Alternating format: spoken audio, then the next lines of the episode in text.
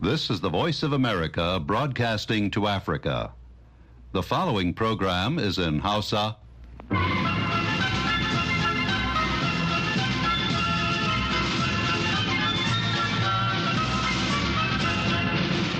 Sashen Hausa na murya Amurka ke magana daga nan birnin Washington DC. Masu sauraro Assalamu alaikum barkanmu da asuba da fatan an waye gari lafiya.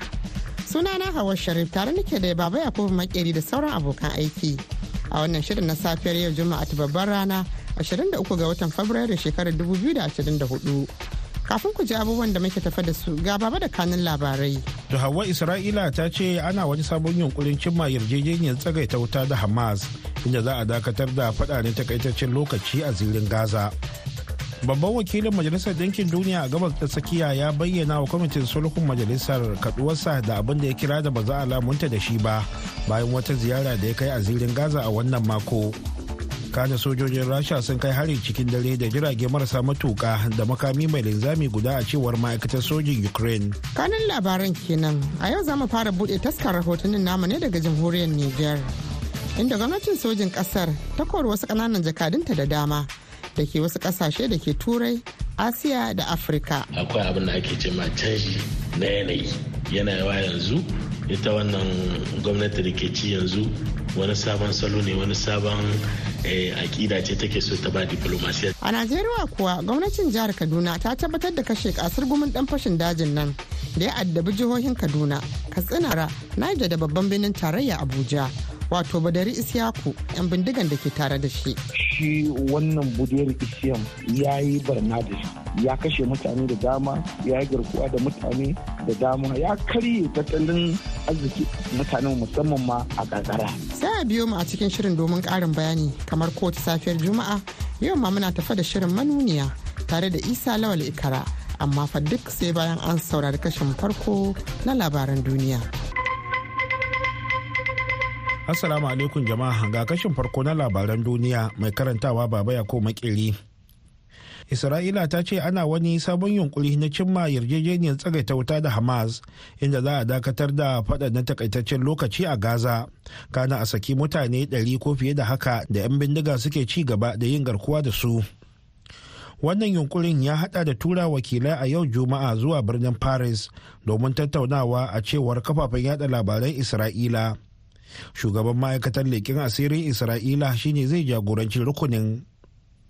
Tun da safiyar jiya alhamis ne ministan tsaron isra'ila yoav gallant ya faɗa wa wakilin amurka a gabas tsakiya brent marcock cewa gwamnati za ta faɗaɗa ikon da aka baiwa masu tattaunawar mu kan waɗanda ake garkuwa da sun kalaman nasa na zuwa ne bayan benny gantz wanda ya zauna tare da galan da firaminista benjamin netanyahu kan yaƙin isra'ila.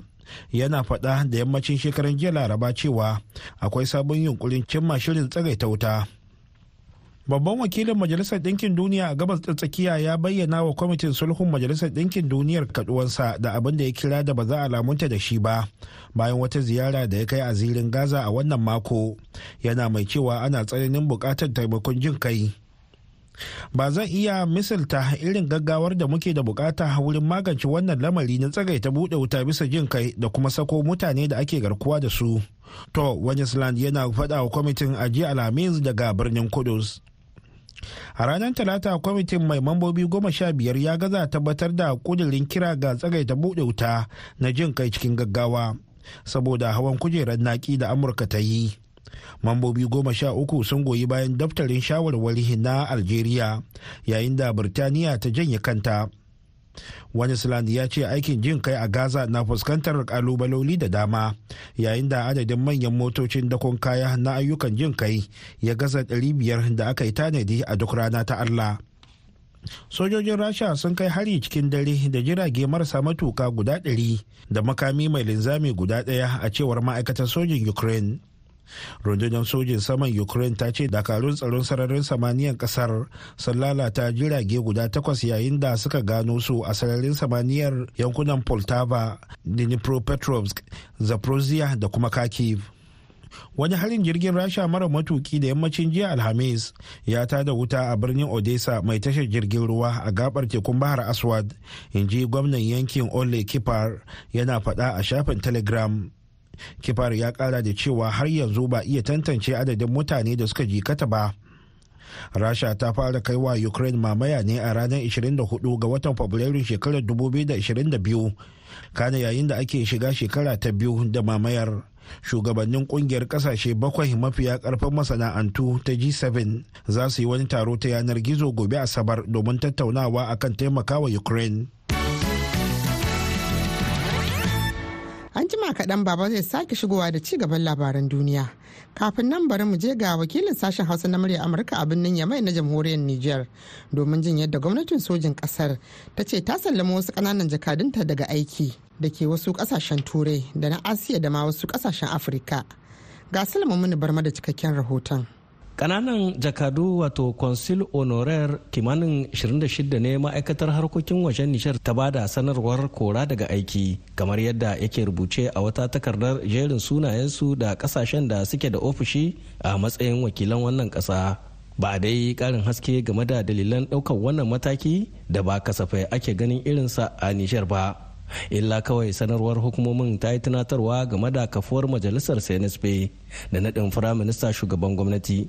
Da kuma yarjejeniyar birnin vienna ta watan afrilun 1963 da ke fayyace ka'idodin da suka shata hulɗar ƙasashe da ta aikin ƙananan ofisoshin jakadanci. Na tuntubi wani masani kan harkokin hulɗar ƙasa da ƙasa mustapha abdullahi domin jin irin fasarar da za a iya yi wa irin wannan mataki a diflomasiyance. Kasan harkar diplomasiya akwai abin da ake ce ma canji na yanayi. Yawa yanzu ita wannan gwamnati da ke ci yanzu wani sabon salo ne wani sabon eh, aƙida ce take so ta ba diplomasiyar da shi yasa ta sarki waɗannan ƙananan jikadodi wataƙila za ta nada wanda kuma su kayar da su domin su kare hakkin ƙasar Nijar domin su kare duka abin da yake taimakon Nijar. Jerin sunayen waɗannan ƙananan jakadu na nunin alamar galibin su ba 'yan ƙasar Nijar ba ne dalili kenan na sake tambayar Mustapha Abdullahi shin wa ya kamata ya wakilci wata ƙasa a matsayin ƙaramin jakada wato consul honoraire? Eh, in ka jance ƙananan jakada mai yawanci dai ga ɗan ƙasar Nijar ne da yake wata ƙasa inda Nijar ba ta da jikada ko tana da jikada wataƙila ƙasar tana da girma ba zai iya kula da duk kasa ba sai a dan samu wani dan kasan ne. Yake wata kasa dama yana zama ko ma'aikacin gwamnati ne ko dan kasuwa ne ko wani shahararren mutum ne wanda aka sani. Kawa aikin sa kai ne yake. Yana da kariyar shi ba kawo wanda babban jikada yake da na ko ambasada ko ko consul general. Yana da wani albashi amma ba salari ba ne saboda gudunmuwar da yake badowa na kare 'yan ƙasar da ƙasar ta nada mashi wannan matsayi waɗannan ƙananan jakadu da hukumomin mulkin sojan nijar suka kora sun hada da jami'an da ke wakiltar ƙasar a wasu ƙasashe shida na afirka sai jami'ai goma sha uku da ke wakilci a ƙasashen turai yayin da wasu ke wakilcin wannan ƙasa a ƙasashe bakwai na asiya Sule Mummuni Barma muryar Amurka daga Yamai a jamhuriyar Nijar. To Madalla an gaida Suleiman Mummuni Barma. Ana tare ne da sashen Hausa na murya Amurka a birnin Washington DC kai tsaye. Ana kuma iya sauraron shirye-shiryenmu da suka gabata a shafukanmu na yanar sadarwar Facebook, Twitter da Instagram. Yanzu ga baba ya sake shigowa da ci gaban labaran duniya. Manazarta sun ce kafin samun nasarar taron koli tsakanin pyongyang da tokyo dole ne a magance batutuwa da suka shafi sace-sace da makaman nukuliya da makami mai linzami na koriya ta arewa. Ko da yake pyongyang ta ki tattaunawa da washington da seoul tana nuna amincewa da ba sabon ba ta shiga tattaunawa da japan wanda ke aiki kud da kud da koriya ta kudu a wani rukunin ƙasashe uku da amurka. Kim yo jong wata kasaitacciyar 'yar uwar shugaban koriya ta arewa kim jong un ta ce pyongyang a buɗe take domin inganta dangantakarta da tokyo kuma tana da hasashen yiwuwar taron koli da prime minister japan fumio kishidi amma ta ce akwai taka tsantsan. Ta ci gaba a wata sanarwa da aka fitar ta hannun ma'aikatar labaran gwamnatin koriya ta arewa ta kcna a ranar 15 ga watan fabrairu cewa dole ne japan ta ajiye batun satar da pinyon ke kallo an daidaita da shirye-shiryenta na nukuliya da makamai masu linzami waɗanda ba su da abin yi da gyaran alakar a ƙarshe a jiya alhamis ne aka tuhumi wasu 'yan ƙasashen waje guda huɗu da laifin safarar makamai da ake zargin iran ta kera a cikin wani jirgin ruwa da sojojin amurka suka kama a tekun arabia a watan jiya. Sojojin ruwa biyu na navy seals sun mutu yayin aikin. Karan aikata laifi da aka buɗe a jiya alhamis a kotun amurka da ke gundumar richmond ta yi zargin cewa waɗanda ake tuhuma guda huɗu waɗanda dukkaninsu ke ɗauke da katunan shaidan zama ɗan ƙasa na ƙasar pakistan suna safaran wasu kayayyakin makami mai linzami da ake zargin iran ta kera makaman da mayaƙan 'yan tawayin huti suka yi amfani da su a hare-haren baya-bayan nan. Kwararren makamai masu linzami da sauran manyan makamai daga iran zuwa dakarun 'yan tawayin huti a yaman yana barazana ga jama'a da kuma muradun amurka da ƙawayenmu a yankin in ji ƙaramin lauyan gwamnati liza monaco a wani sako ga manema labarai.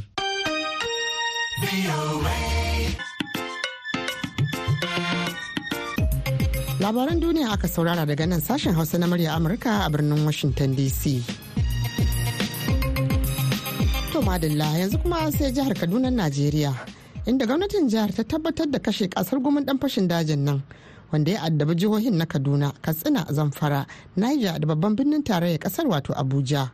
Badari Isiyaku tare da wasu manyan 'yan bindigan da ke tare da shi. Kamar da yadda za ku ji karin bayani cikin wannan rahoton na Isa Lawal Ikara. gwamnatin jihar kaduna ta tabbatar da cewa bodere ishiyakun da aka hallaka ƙasar gumin dan fashin daji ne da ya jagoranci manya-manyan harare a jihar kaduna da ma wasu jihohi makwabta. In ji mukaddashin kwamishinan tsaro da harkokin cikin gida na jihar kaduna malam samuel aruwan shi wannan budiyar isiyam ya yi barna da shi. Ya kashe mutane da dama ya yi garkuwa da mutane da dama ya karye tattalin arziki mutanen musamman ma a karkara. To in kuma kai la'akari da hare-hare shi ya jagoranci harin da aka kai a wannan makarantar nan na koyar da abin da ya shafi gandun daji ya garkuwa da ɗalibai talatin da tara. Shi ya je kuma wannan makarantar nan na da ake horar da ƙananan hasoshin soja wato nda ya kashe manyan sojoji biyu sannan kuma ya garkuwa da mutum ɗaya. Har wayo kuma mai martaba sarkin bungudu da ke jihar zamfara yana kan hanyar shi a kusan shekara biyu da suka wuce shi ya yi garkuwa da mai martaba sannan kuma ya kashe dogarin shi a ɗan sanda guda ɗaya. To sai ga shi allah cikin hukuncin sa ya ba mu nasara daren laraba zuwa wayewar gari jiya alhamis sai muka samu nasara akan shi wannan buderin akwai mayaƙan shi guda biyu wanda su ma suka kwanta hagu da yawa daga cikin su kuma sun samu rauni. Alhaji ɗaya bukerawa shine ya jagoranci al'ummomin yankunan garuruwan da ke yammacin zariyan da suka yi koke akan yadda 'yan bindigan ke ta kai har-hare a yankunan su. Kuma ya ce jin labarin kashe wannan ƙasar gumin dan fashin daji ya sa sun fara jin akwai yiwuwar su koma gona bana. To farko dai ba abin za mu ce ma Allah ya zuwa wayewan garin yau sai godiya. Korafin da muka yi ya fara tasiri ya zuwa yau. Dan yau an kashe gagarumin mutumin da ke kashe al'umma yake hana su noma yake hana su kwana da ke gidansu yake tasar da mutane mutane suke barin ƙauyaku zuwa bariki. Ya zuwa yau gwamnati ta yi nasarar kashe shi. To mutanen yau wasu ma da yawa sun tashi da azumi ne. Sakamakon wannan nasara da aka yi na kashe wannan ta'addan. Ko muna ma sojoji addu'a na ƙara samun nasara. Kuma ya kamata su ƙara samun ƙarfin gwiwa. Don haka akwai tunani in Allah ya da inda ba a nomawa ba ne inda aka ci gaba da wannan ƙoƙarin in Allah da bana za mu noma shi insha Allah. Masana harkokin tsaro irin su manjuyashin kuma ritaya ma na ganin dole ne a jinjina wa jami'an tsaron wannan ƙasa akan wannan nasara da suka yi.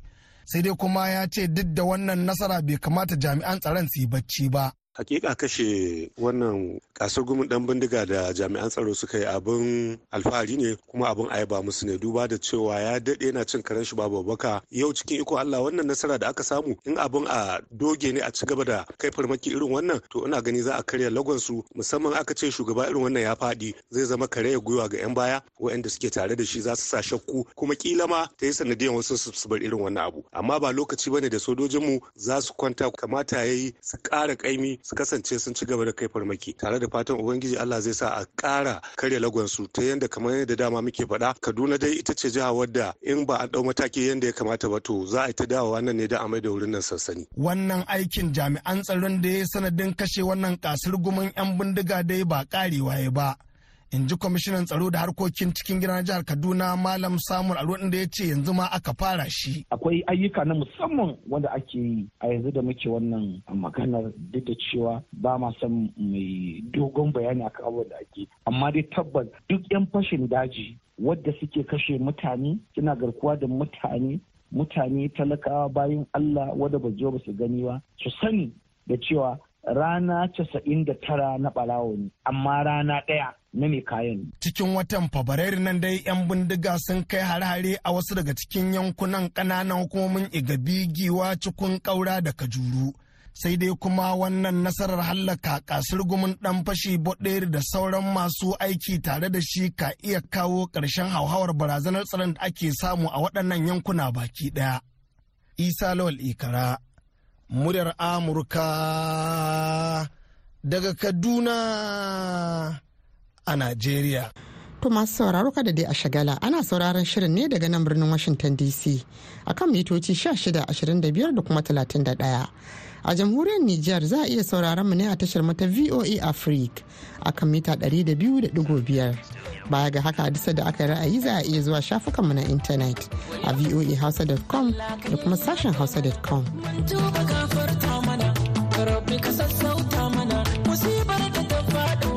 rayuwa ta sauya mana. Allah ka inganta mana talakawa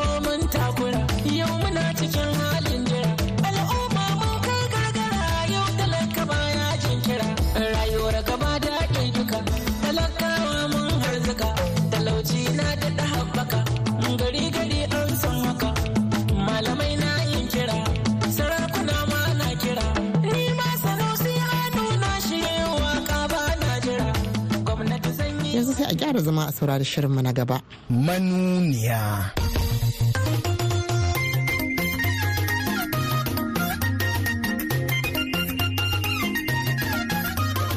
Wallahi tallahi billahi lazi la ilaha illa huwa.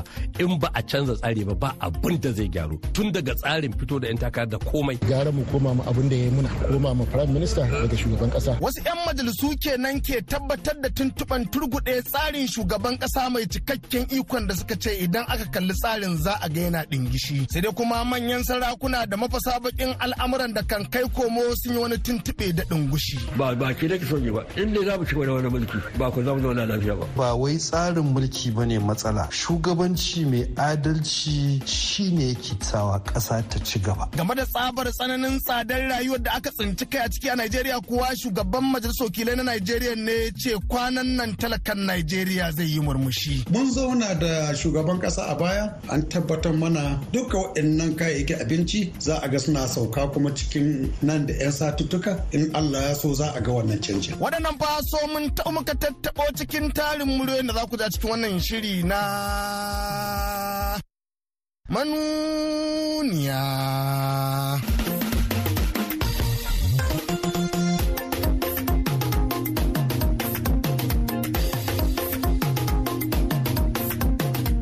Mai sauraro Assalamu alaikum barkamu wannan lokaci kuma sanin da sa'ar sake saduwa a cikin wani sabon shirin manuniyan da ke ƙoƙarin kwakulo mafitar da za ta kore wa dukkanin masu sauraron mu fushi. Shiri na ɗari da hamsin da takwas cikin jerin shashiren manuniyan da ke son ganin kowane ɗan ƙasa ya ci ya ƙoshi. Mai yiwuwa ƙoshin kuma amma fa da irin facaka da dukiyar da ake wajen zaɓe a Najeriya ta sa tsohon ɗan majalisar wakilan tare Najeriya Malam Abakar Cika Adamu ya ce ya gano mafi akasarin 'yan siyasa a Najeriya ba su da wani kishi. Ai duk wanda ya ce za a gyara najeriya a wannan tsari ƙarya yake. Wallahi tallahi billahi lazi la ilaha illa huwa. In ba a canza tsari ba ba abin da zai gyaru. Tun daga tsarin fito da yan takara da komai. Wani tsari ya kamata a yi? Wani Allah ya san yadda zai iya fito da shi amma ina ganin sai an samu soma salt a samu mutanen kirki a fito da tsari sabuwa ta demokaradiyya wadata. Amma a wannan demokaradiyya ba zai ta yi ba. Yanzu zan baka misali. Yau ga gwamnan Kaduna. Yau idan zai koma gwamna alal misali a tsarin da muke da shi ba zai kashe biliyan biyar ba? To nawa ne ya samu albashi? Aka samu kanka ba ta ina zai same su? Shi ke cewa masu zuwa neman mukamin siyasa nan ba dan Allah suke yi ba. Da in dan Allah ne ba za ka yi ba saboda sai ka nemo haramun kasa a ci shi yasa a 2019 an zaɓe ni 2015 primaries ina zaune garin nan babu inda na je. Na ci zaɓe bana waje. Aka neman maza na ce ni bana nan ina Nijar don ni bana so na yi na ga 2019 in zan yi sai na hada da haramci ma. Sai na ce bana ba gidan wanda na je. Bana so bana so don na san idan za ka yi ta tun farko sai ka fara sata. Tun ma dai ganin irin koke-koke da tsarin shugaban kasa mai cikakken iko da ake ta faman yi a Najeriya ya sa wasu 'yan majalisar kasa guda 60 neman sabon sauyi ta hanyar haɗa kai da kowane sashi. Kuma ɗan majalisa Abdulsamad da Suki shi ke limancin 'yan majalisar da suka ce kawai komawa tsohon tsarin falamantari shine zai taimaka don tsarin ya fi armashi. Mu 60 yau mu ɗauki mataki an yi karatu na farko na dokoki guda uku kundin tsarin mulki garan bawul muka so mu mishi in Allah yadda a bi wannan tsari. Na wannan tsari kamar yadda ka sani shine tsarin da muka sama tun lokacin su saddauna ya muna aiki amma tun da aka bar shi har yanzu mun kasa gane kanmu a matsayin mu 'yan Najeriya.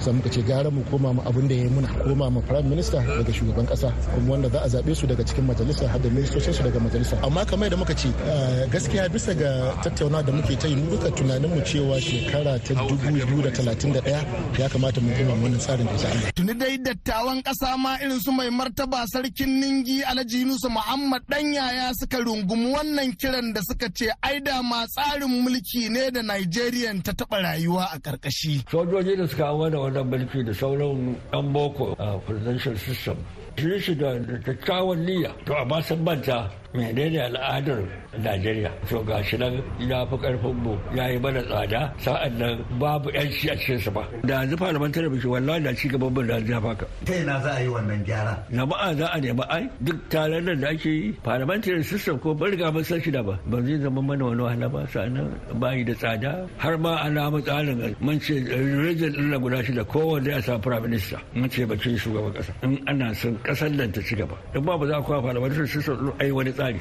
Amma wannan presidential system lallai ba zai dace da ba. Neman ɗauke ta totality. America kuma abin da ya sa wanda mulki ya dace da su ba gurin kowa ba ne. Mutane ne kwarin kira aka ta aka ta dudduri aka zo. Allah ya ɗaukaka ta. Kuma ba ba ke nake son ba. In dai za mu ci da wani mulki ba ku za mu zauna lafiya ba. shi ma dai shehun malami sheikh dr ahmad gumi ya ce tsarin prime minister a matsayin jagora a ƙasa da sa 'yan siyasa su daina warkajama da kuɗi a wurin zaɓen da suke ɗauka. Wannan kuma shine adashi. A kawo tsarin parliament wato majalisa zai rage tsayin ƙuri'u kuma zai rage iyakan da'irar da ake zaɓe. Domin wakilai wakilai ne za zaɓa.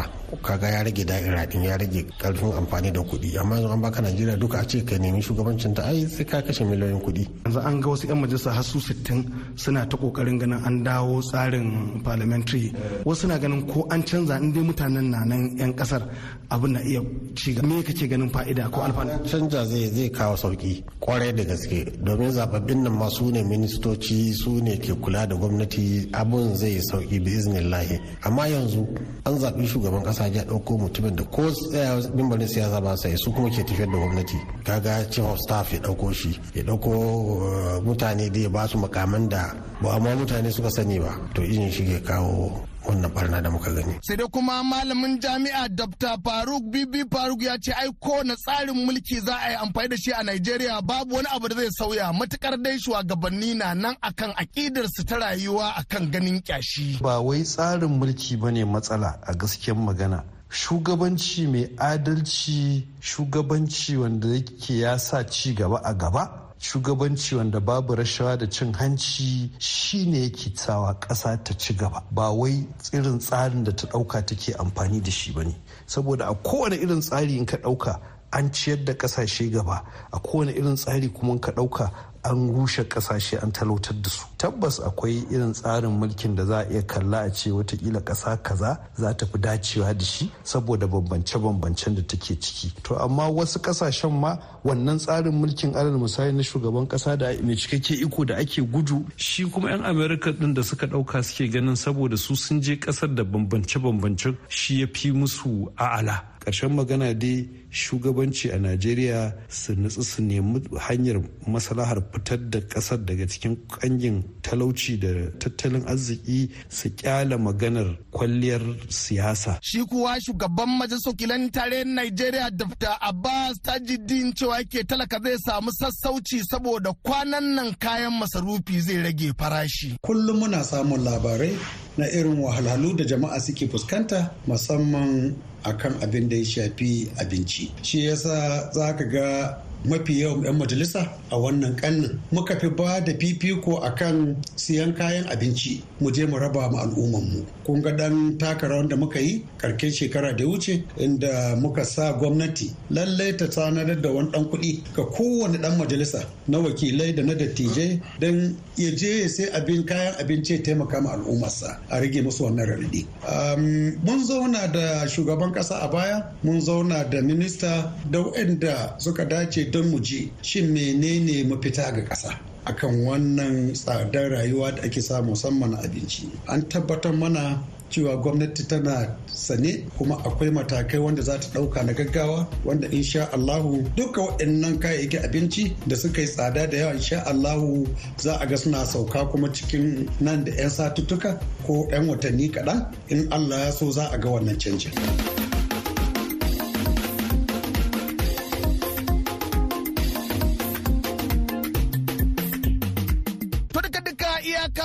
the mu baje muku kenan a cikin shirin manuniya na wannan mako. Sai dai kafin mu yi sallama sai mun sanar da dukkanin masu dafa da marafin iko cewa kwanakin da ake keɓe musu fa ƙara ƙarewa suke kullun kwanan duniya kamar dai numfashi. Domin kuwa daga juma'a na ma saura kwanaki dubu ɗaya da ɗari ɗaya da casa'in ne su yi sallamar sakin kujerun kuma babu wanda zai ce wai sun cancanci rarrashi. Kuma madadin dukkanin waɗanda kan taimaka wajen tabbatar da wannan shirya zo muku musamman ma dai abdulrahab muhammad na jihar bauchi da kuma mahmud ibrahim kwarin jihar kanawa sai maman manuniya madina daudan da kan yi daudalar dawo mana da muryoyi kashi-kashi. Ni isa lol ikara da kan shirya gabatar ne nake cewa sai kun mako idan allah ya sake sada ma cikin sabon shirin na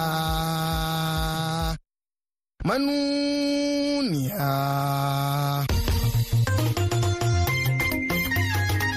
To madalla masu sauraro ga nasihar juma'a.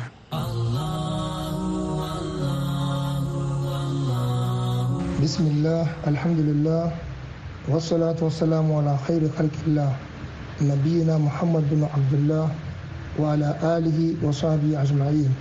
Wa ba'd assalamu alaikum wa rahmatullahi wa barakatuhu akwala abdurrahman sale daga unguwar basa kaji jihar duwala cibiyar kasuwancin jamhuriyar kamaru.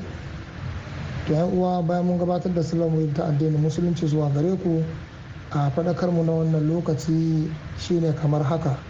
Dangane da ainihin wato tarbiyyar yara ko mu ce tarbiyya a musulunci. Abinda za mu gane allah subhanahu wata'ala ya ja an kulma baki da bayan ya aiko manzon allah sallallahu alaihi wasallama da yake cewa ba da a'udhu billahi minash shaitanir rajim. Huwa alladhi ba'atha fil ummiyina rasulan minhum yatlu alaihim ayati wa yudhakkiruhum wa yu'allimuhum alkitaba wal hikma wa in kanu min qablu lafi dalalin mubin. Manzon allah shine wannan da allah ya aiko shi cikin ba ummai idan aka ce mutum ba umme ne wanda bai iya karatu ba ko bai iya rubutu ba. Rasulan minhum Allah ya ko wani manzo daga cikinsu. Shine manzon Allah sallallahu alaihi wasallama yatlu alaihim ayati. Ya zamo yana karanta ayoyinsa. Shi ubangiji wato yana karanta musu ayoyin Allah. Ya karantar da mu yadda za mu karantar da iyayenmu za mu tarbiyyatar da yara. Su ne ainihin wato a mu fara tusa musu son manzon Allah sallallahu alaihi wasallama. Wa hubbu ahlu baitihi da soyayya na iyalansa su ne ahlul bait da kuma ainihin wato a wakiratul qur'an wannan shi da